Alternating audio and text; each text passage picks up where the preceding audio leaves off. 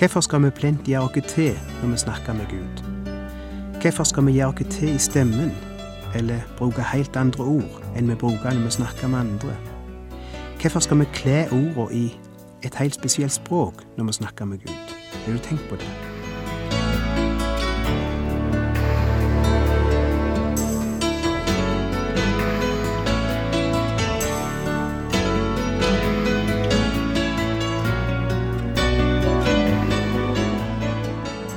Hjertelig velkommen til et nytt program i serien Vindu mot livet. Vindu mot livet er basert på programserien Insight for Living ved Chuck Svindal. Programmet er produsert av Kristen Riksradio og blir ledet av Ola Bjoland.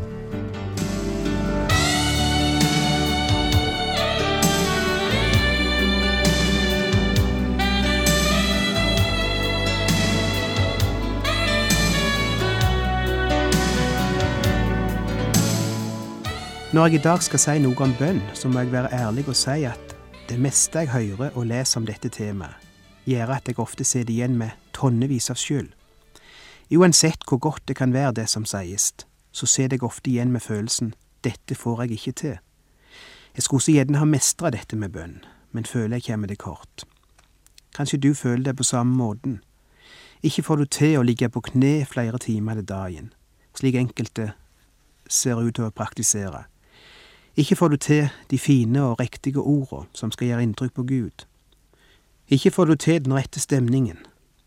Ikke tykker du kanskje det er så godt og frigjørende å be heller, slik noen snakker om. Kort sagt, bønnelivet er det du kanskje strever mest, om, mest med i kristenlivet, ennå du vet hvor viktig det er. Du føler bare skyld når det blir snakk om bønn. Jeg vet ikke om mine tanker om dette i dag vil gjøre noe ifra eller til. Men la oss likevel ta noen minutter i dag til å se litt på dette temaet, og kanskje en, spes en spesiell side ved dette temaet.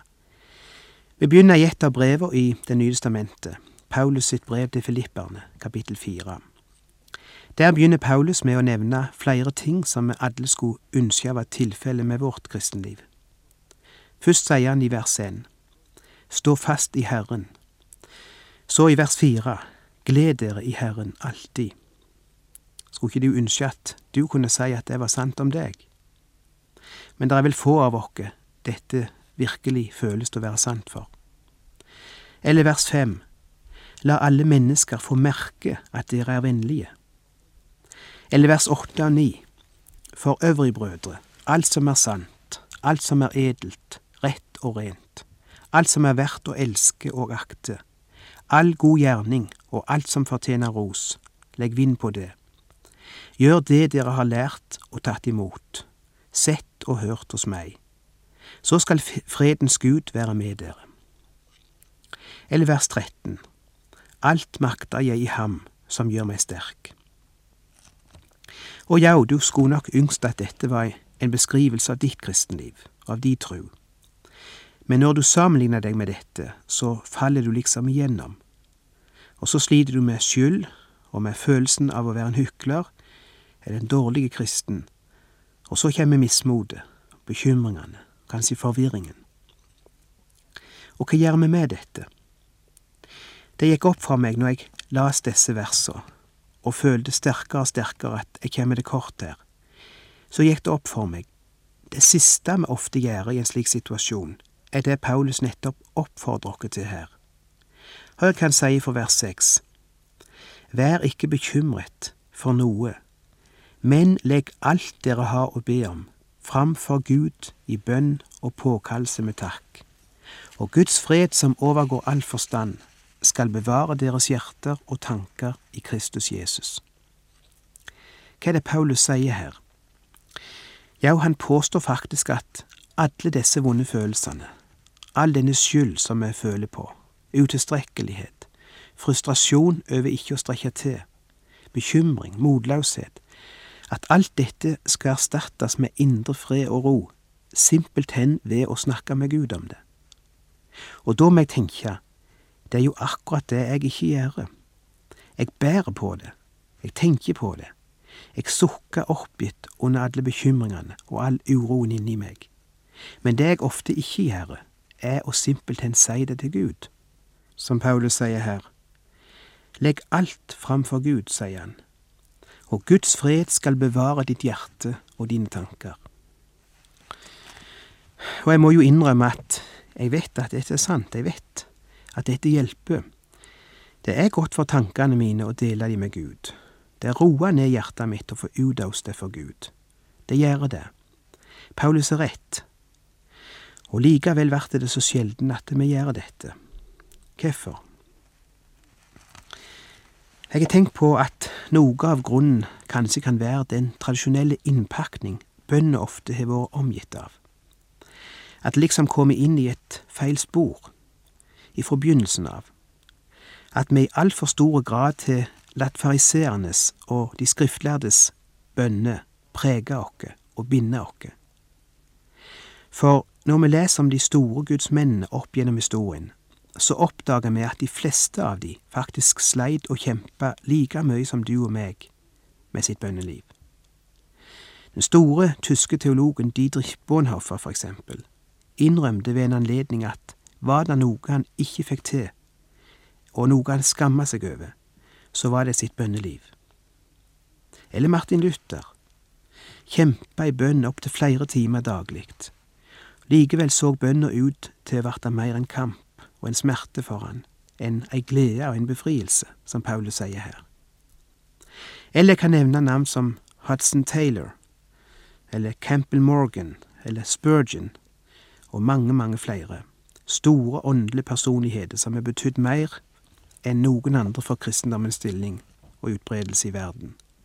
Og du finner knapt en av de som virkelig er fornøyde med sitt bønneliv. De trodde på bønn, de praktiserte bønn, de talte om bønn, og likevel sleit de med smerte og skyld i forbindelse med deres eget bønneliv. Hvorfor? Er det fordi bønn skal være smerte? Jeg er ikke så sikker på det. Det kan være, det er det ingen tvil om. Jesus sjøl opplevde bønnestunder som var så smertefulle at svetten rant som blod, vet vi. Men det var heilt spesielle situasjoner. Jeg tror ikke det var det normale. Jeg tror ikke tanken var at det å komme fram for Gud, det å møte Gud og snakke med Han, at det alltid skulle være smertefullt eller et slit. For det ville jo være en sjølmotsigelse, ikke sant? Det skulle jo være de mest gledesfylte og frigjørende øyeblikk i livet. Og det er det òg Paulus prøver å få fram her. Gled dere i Herren alltid. Herren er nær. Vær ikke bekymret. La alt komme fram for ham. Legg det fram. Og Guds fred som overgår all forstand, skal bevare deres hjerter og tanker i Kristus Jesus. Jeg tror at vi i flere århundre har pressa bønna inn i et spor som den ikke var meint å skulle være i. Vi har gjort bønn så vanskelig, så smertefulle, liksom, den har blitt noe som skaper mer skyld enn den skaper glede og frihet. Og det tror jeg ikke det er Gud som har gjort den til. Jeg tror det er meg sjøl. Legg merke til hva Paulus sier her. Bønn skal gi deg fred, ikke ta bort freden. Men vi har liksom lært å tenke at hvis bønn virkelig skal være effektiv, så må den være forbundet med smerte eller slit, og det må helst være av en viss varighet. Vi skal svette, vi skal gråte, vi skal kjenne smerte, slite, tigge, vente. Vet du, jeg finner ikke noe i Bibelen som skulle skape et slikt inntrykk av bønna. Bortsett ifra hos fariseerne, da, for de var bønna en prestasjon, men ikke etter Bibelens idé. Bortsett ifra noen få, helt spesielle tilfeller, der sjølve situasjonen skapte smerte, ikke bønnen Bortsett ifra disse unntakene er bønnen i Bibelen, eller bønnene i Bibelen, verken lange eller spesielt smertefulle. Og jeg finner heller ingen truende i Bibelen som sleit med skyldfølelse fordi de ikke ba lenge nok, eller ofte nok, eller fordi de ikke opplevde noen kamp og smerte i bønnen, eller fordi de ikke var nok intense og utholdende. Jeg finner ikke noe slikt i Bibelen. Bare sjå etter sjøl. Det er vi som har gjort bønnen til dette. Vi har gjort det til en prestasjon. et arbeid, en rolle. Vi måler vårt kristenliv etter hvorvidt vi lukkes med vårt bønneliv. Og da kommer de fleste av oss til kort, og så går vi rundt med skyld hele dagen. De fra fariseerne og saduserene og de skriftlærde, vi har arva dette mønsteret på bønn. De ville gjerne ha bedt hele dagen hvis de hadde fått det til. De vart, det vart aldri nok. Og bønn begynte å degenerere ifra å være en spontane og glad samtale med Gud til å verte en øvelse, en prestasjon i utholdelse. Bønn forandrer seg ifra privilegium til plikt, ifra å være ei spontane glede over å få være sammen med Gud, til å verte menneskelagde krav, ifra å være et tilbud til å verte et bud. Igjen må jeg understreke klart, det er ingenting galt med å be lange bønner. Det er ingenting galt med å kjempe og slite i bønn. Det er tvert om en stor ressurs i Guds rike at noen mennesker gjør dette og føler seg kalt til dette. Så ikke misforstå meg her. For noen mennesker har rett og slett fått nådegave til å bære mye sammen med Gud i bønn, og noen har tid og anledning til å sigge mye og be. Og Guds rike er heilt avhengig av slike mennesker, som tilbringer mye tid i bønn. Men det må bare ikke verte slik at hvis noen ikke opplever det slik, hvis noen ikke får til dette, at de dermed skal føle skyld fordi de ikke får det til. Hvis vi studerer hvordan bønn blir praktisert i synagogen, legger vi merke til noen trekk. For det første var bønn en formell øvelse, mer enn fri og spontan ytring. Der var formulerte og fastsette bønner for alle mulige situasjoner. Bønn var liturgisk og standardisert. Og dernest var bønn tidsbundet. Eh, det var de såkalte tidebønnene. Akkurat som vi ser på fjernsyn at for eksempel muslimer praktiserer. På bestemte tider av dagen vender de seg imot Mekka. Og videre var bønn eh, stedbonde. En skulle be på bestemte plasser. Og videre igjen var bønnene ofte svært lange, og ofte veldig ordrike, rike på gjentagelser. Den som kunne be lengst, ville ha største sjanse for å bli hørt av Gud. Hvis en bare kunne banke lenge nok på himmelens port og bruke masse sterk, masse sterk ammunisjon i form av mange adjektiver, så ville Gud til slutt høre. Ei spesiell bønn som er oppskreven, har ikke mindre enn 16 adjektiver framfor Gudsnavnet, før det kommer til saken. Og dernest hadde bønn utvikla seg til å verte noe en viste fram, altså en prestasjon. Det var faktisk blitt et slags statssymbol å be fint. De religiøse lederne stilte ut sine bønner. Midt på gatehjørnet sto de og ramsa opp sine bønner i all offentlighet. Nå må jeg igjen gjøre noe klart for ikke å bli misforstått. Det er ingenting galt med tidebønner eller liturgiske bønner eller fast formulerte bønner, eller å be på bestemte plasser. Sjølsagt ikke det. Det kan være ei stor hjelp for oss. Og mange ganger når jeg er sliten og føler meg tomme, er det ingenting som er så deilig som å få legge mine trøtte tanker og bønner inn i for eksempel kirkebønner og få lov til å be med ord som andre formulert, og som sier akkurat det jeg ønsker å si, men ikke får til i, den situasjonen. Men poenget mitt er, dette er bare et pedagogisk hjelpemiddel. For opprinnelig var bønn ingenting annet enn en spontan ytring overfor Gud. Og faren er stor for at det som kun skulle være et pedagogisk hjelpemiddel, og fortsatt er det, kan få oss til å tro at bønn er bundet til former og tider og, og plasser, eller at bønn kan verte en prestasjon. Det er det Jesus advarer så sterkt imot i bergpreika, for eksempel. Hør hva han sier i Matteus 6. Pass dere for å gjøre gode gjerninger foran øynene på folk, for å bli sett av dem. Når dere ber, skal dere ikke gjøre som hyklerne. De liker å stå i synagogene og på gatehjørnene og be for å vise seg for folk. Sannelig, jeg sier dere, de har alt fått sin lønn. Men når du ber, skal du gå inn i ditt rom og lukke din dør og be til din far som er i det skjulte, og din far som ser i det skjulte, skal lønne deg. Jesus så aldri på bønn som å liksom skulle tigge og bære seg og hamre på Guds trone, og til mer enn hamre, til større sjanse var det for at Gud skulle høre. Å nei, vår himmelske Far kjenner sine barn og vet hva de trenger, sier Jesus. Å be er ganske enkelt å snakke til Gud. La oss aldri glemme det. Å snakke til Gud. Eller rettere, å snakke med Gud. Samtale. Snakke og lytte. Og hvorfor skal vi plent gjøre oss til når vi snakker med Gud? Hvorfor skal vi gjøre oss til i stemmen, eller bruke helt andre ord enn vi bruker når vi snakker med andre? Hvorfor skal vi kle ordene i et helt spesielt språk når vi snakker med Gud? Har du tenkt på det? Eller hvorfor skal vi alltid snakke med Han med en slags gråtkvalte stemme? Ikke misforstå meg, du må gjerne gjøre det hvis det er mest naturlig for deg. Hvis du føler det naturlig å grine når du ber, så bare gjør det.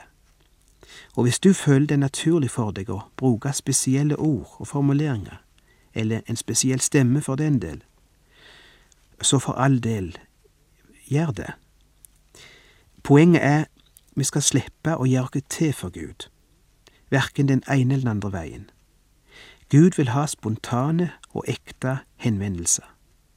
Gud ønsker at hans barn skal snakke til han som en far, ikke som, en, ikke som til en fjern fyrste. Jeg har hørt at en konge kan verte plukklei av å stadig verte tiltalt i spesielt ærbødige formler, plukklei av alle formalitetene og all høfligheten. Jeg vet ikke hvordan det oppleves, men jeg kan nok tenke meg at det kan oppleves litt slitsomt i lengden. Men hvor kjedelig må det ikke være for Gud å sigge og høre Hans barn komme og si, Evige, allmektige, nådefulle Far over alle ting, din hånd har rikelig og nådig møtt alle mine djupeste behov. Hvor velsigna takknemlige vi er over for å komme fram for nådens trone og prise ditt hellige opphøyde navn, osv., osv. Har du sittet ned og tenkt over hvordan høres det ut for Gud å få slike bønner? Hvordan opplever han å sigge høre på alle disse ordene? Hvordan ville du ha opplevd det om ditt barn snakket slik til deg? Hør hvordan en nyomvendt ber. Hør nøye etter hvordan en som nylig er blitt kristen, og som ikke lærer seg det åndelige språket, hvordan han ber til Gud. Det er interessant, og det kan lære oss så mye. De snakker til Gud som de snakker til en venn. De bruker ord som alle kan forstå. Det hender de ler når de snakker med Gud, eller griner. Det er bare herlig å høre på. Ekte, spontan samtale med Gud som med hvilken som helst annen venn. Vel, poenget er, Gud trenger ikke spesielle ord. Og jeg tror det kan være nyttig for hver eneste en av oss å seie oss ned og tenke hvordan snakker vi til Gud? Ikke at vi skal tilstrebe å være uformelle heller. Som sagt, hvis det er naturlig for deg å be på en spesiell måte, så gjør det. Men prøv å tenke på Gud som en venn, eller en god far. Snakk til han som en venn. Ikke tenk at du må liksom forberede deg, sette deg ned og komme i en bestemt stemning, eller ta på deg ei bestemt maske. Ikke tenk at du må bruke et bestemt antall minutt.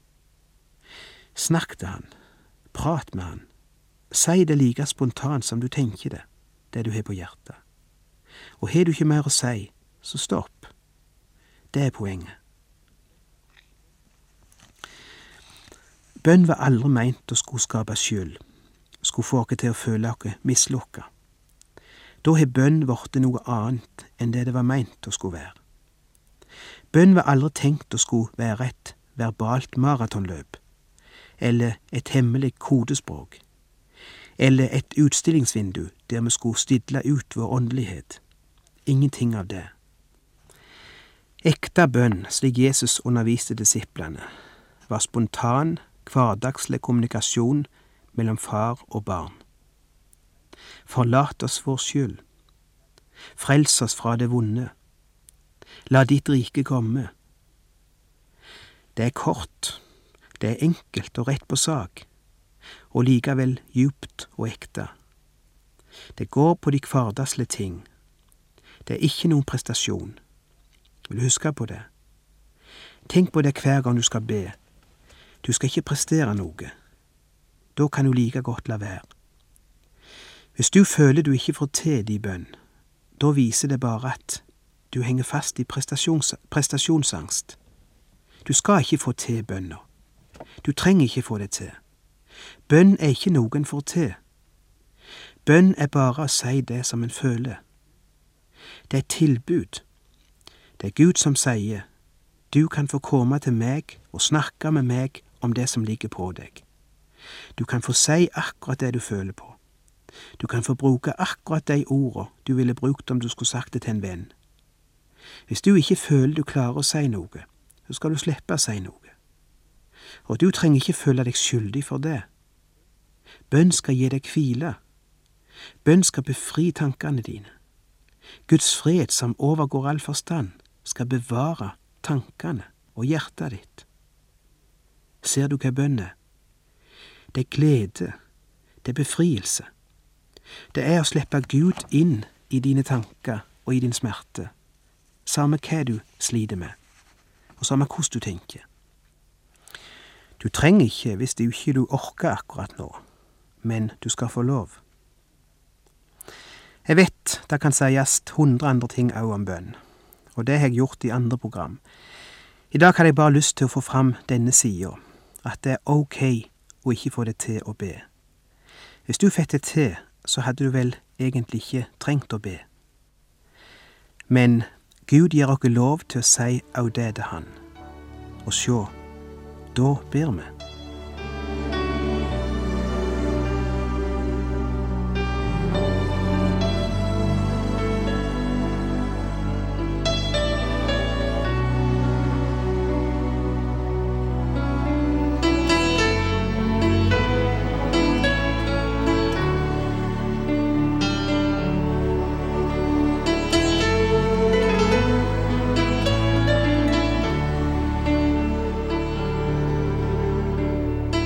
Du har lytta til Ola Bjoland i serien 'Vindu mot livet' fra Kristen Riksradios arkiv. Ola Bjoland var ansatt i Kristen Riksradio inntil han døde i 2002.